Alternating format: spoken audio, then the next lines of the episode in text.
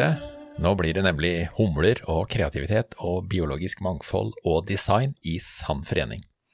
Velkommen til Innopod. Vi er innovasjonspodkasten til innovasjonsselskapet Inoco.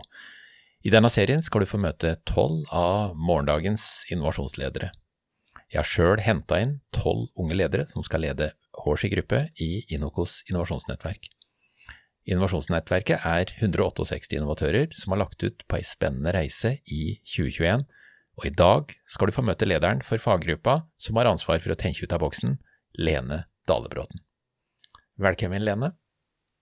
Tusen takk, Sjur, og tusen takk for å få være med i podkasten din. Veldig stas. Takk for det, det er hyggelig å ha deg her. Mm. Det første jeg har lyst til å spørre deg om, Lene, det er deg som person. Sånn at lytteren skal få en mulighet til å uh, bli litt kjent med deg. Hvem er du? Først og fremst så vil jeg vel si at jeg er, eh, jeg er odelsjente.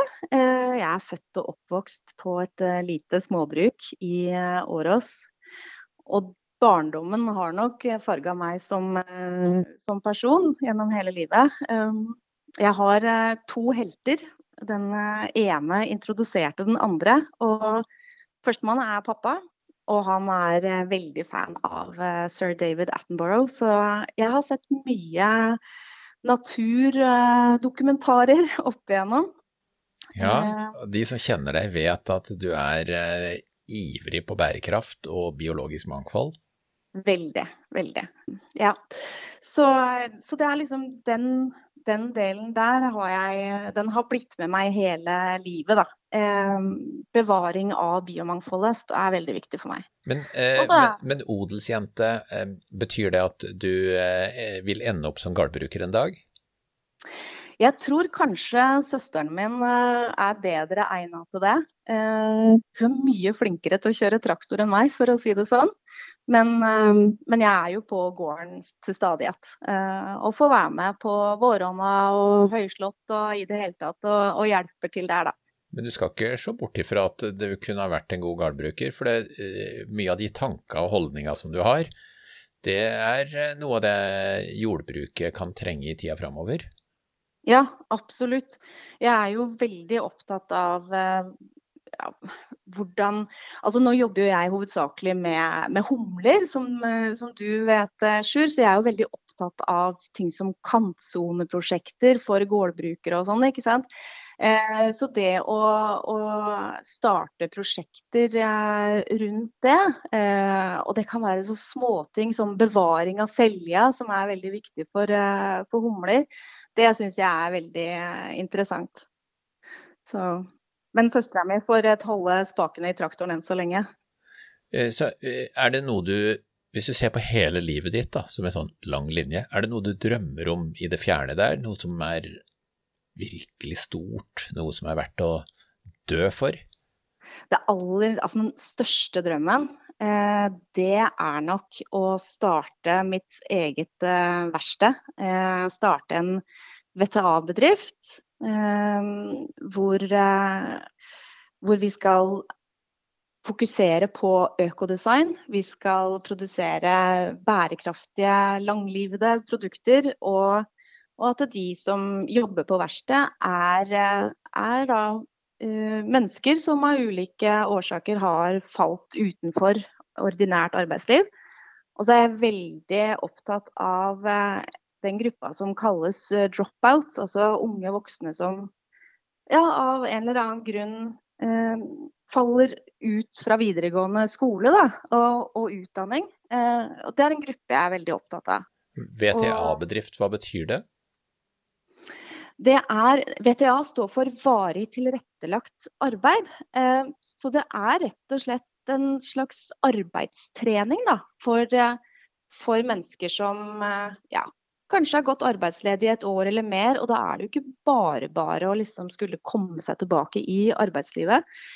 Um, så humlekassa mi, den, det var jeg jo veldig bevisst på at når den skulle produseres, så skulle den produseres av en VTA-bedrift. Um, for å gi den type bedrifter rett og slett mer oppdrag, da. Um, være en som kan gi oppdrag.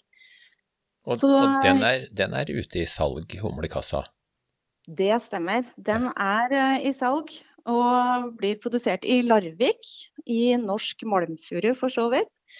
Så det starta jo som en eksamensoppgave eh, tilbake i 2018, eh, hvor ja, eksamen min var rett og slett eh, design en prototype, hva som helst, men FNs bærekraftsmål er kriterier. Er... Og der starta på en måte min reise, da. For du er designer? Ja, altså jeg er håndverker. Jeg er utdanna modellbygger og har jobba mye med film og TV i både England og Norge. Eh, bygd en del arkitektmodeller. Eh, og, og så kom jeg tilbake, kom meg hjem igjen, da. Og nå er det nå har jeg liksom kommet, funnet litt tilbake til røttene mine da, med det engasjementet rundt eh, klima og miljø. Eh, så jeg jobber jo da med å formidle om bevaringsrettet arbeid for biomangfoldet. Også med en fantastiske humla da, som, eh, som maskot, rett og slett.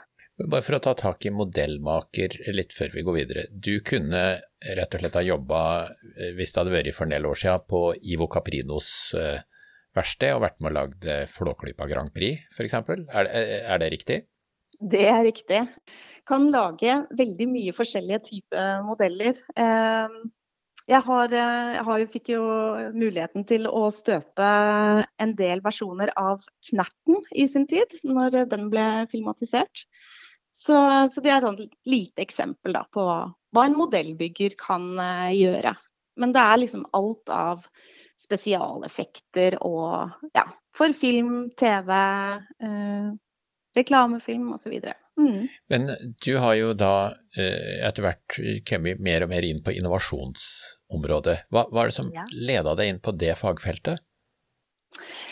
Det var vel det, det var det at jeg eh, Jeg hadde et sånn veldig genuint ønske om å formidle mer om eh, pollinerende insekter. Fordi når jeg skulle eh, designe humlekassa mi, som starta som en eksamen, så måtte jeg jo selvfølgelig gjøre en del research om humler. Så nå er jeg jo ja, jeg har jo et selvstudie som har pågått et par år, og vil påstå å si at jeg har lært meg ganske mye om, eh, om humler. Eh, så det er rett og slett det ønsket om å kunne engasjere og inspirere litt hvermannsen. Ja, eh, ja. Hvilke tiltak er det du og jeg kan gjøre hjemme i hagen vår eh, som vil bedre eh, leveområdene da, for pollinerende insekter? Og I den forbindelse så har jeg jo da eh, utviklet et undervisningsprosjekt for grunnskole. Eh, og skoleelevene de er jo fantastiske til å ta imot det jeg vil lære dem. Fordi altså, tiåringene som som jeg møter, de, de, skjønner viktigheten da, av pollinerende insekter. Um, så, nei, så det syns jeg er veldig givende. Um, så det er det jeg prøver å, å få igjennom her, da. Er ikke, er ikke det et sånn tankevekker at altså innovasjon betyr jo å fornye seg, eller fornyelse. Mm. Og du tar tak i noe som har eksistert i millioner av år, mm. altså dyreliv og insektliv. Og så, vi, og så, har vi stelt oss sånn her nå på jorda at jordlivet er i ferd med å dø i bakken hos gårdbrukere, og insektmengden Altså, vi har ikke den insektsausen på ruta lenger som vi hadde på 70-tallet når vi kjørte oppover og insekter var et kjempeproblem. Eh, det blir mindre og mindre, sånn at vi må ta tak i noe og fornye det, fordi vi menneskene har rota det til så ille.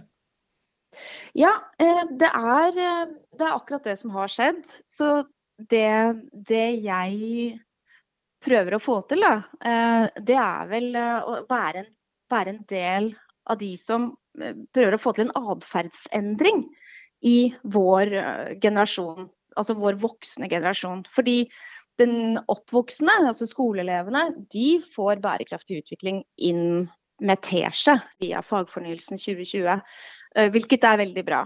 Men vår generasjon, den voksne, vi er litt treige. Altså. Det er veldig vanskelig for oss å bryte med de gamle handlingsmønstrene.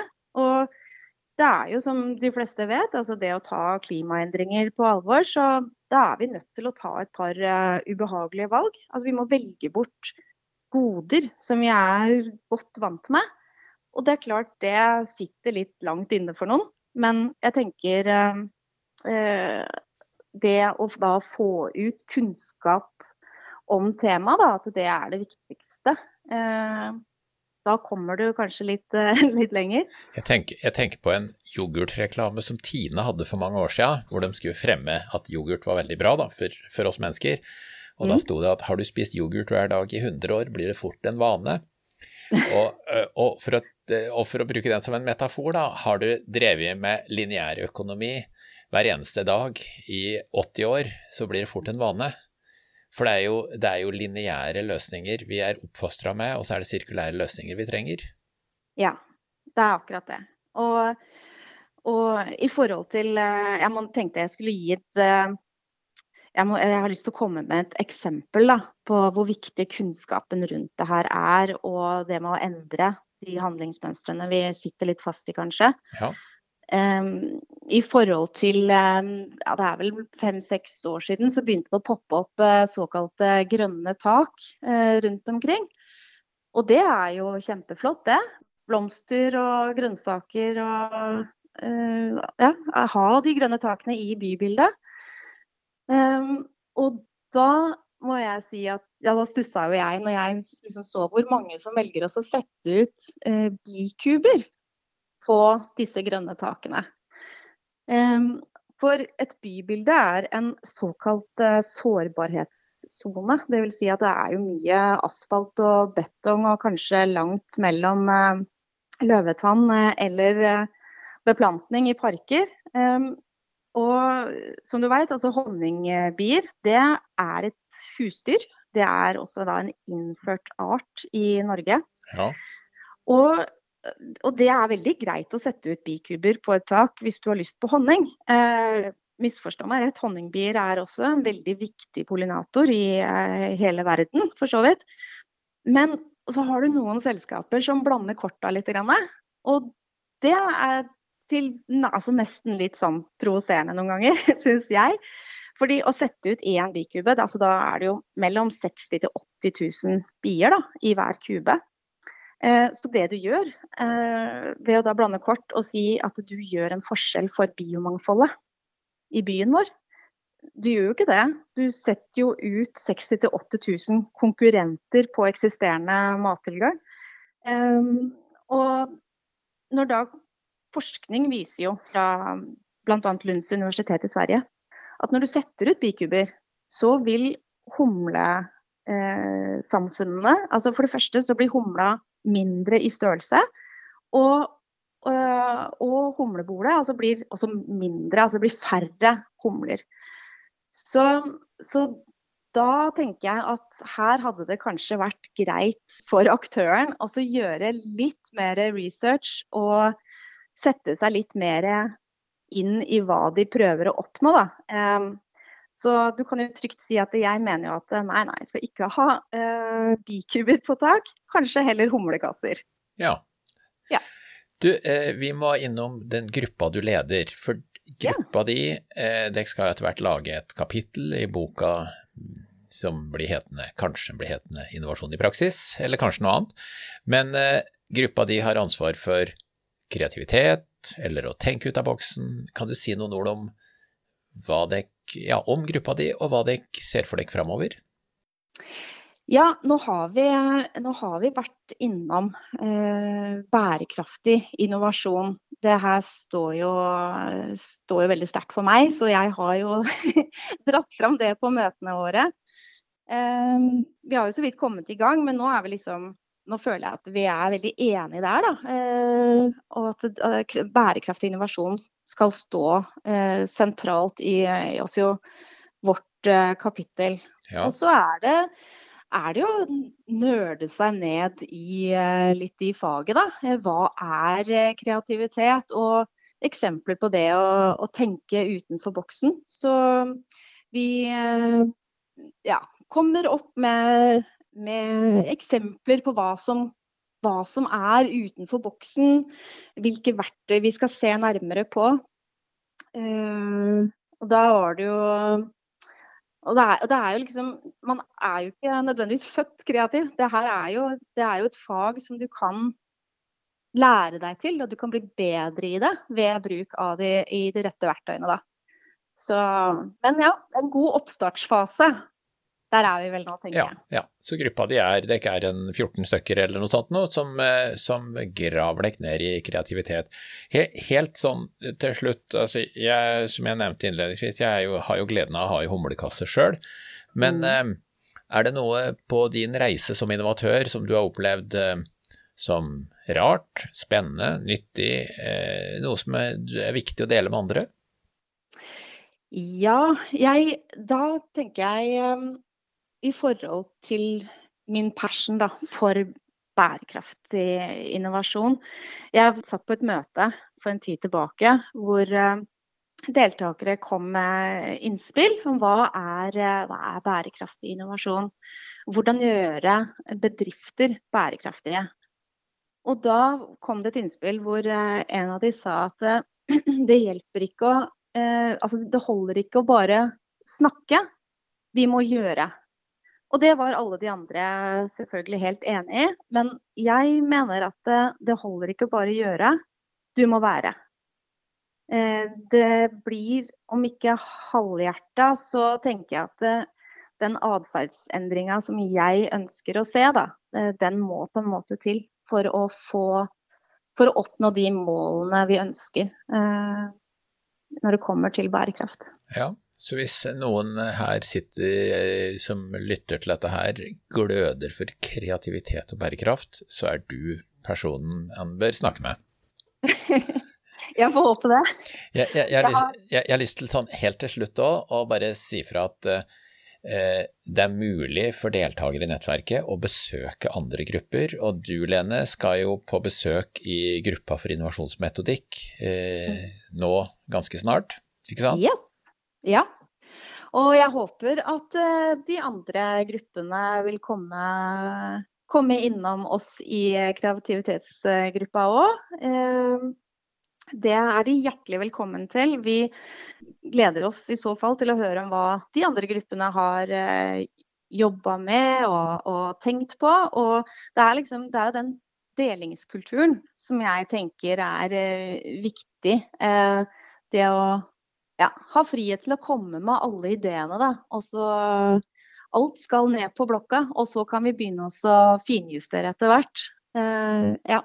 Ja. Så delingskultur, rett og slett. Ja, nei, men det er supert. Så da, da er det mulig å, å, delta i gruppa. Og ja, eh, Lene, hjertelig tusen takk for at du ble med oss. Og, eh, og til deg som lytter, takk for at du hørte på oss. Vi er innovasjonspodkasten til innovasjonsselskapet Inoco. Med meg i studio i dag hadde jeg Lene Dalebråten. Lydmann var Petter Strøm, og jeg heter Sjur Dagestad. Velkommen tilbake.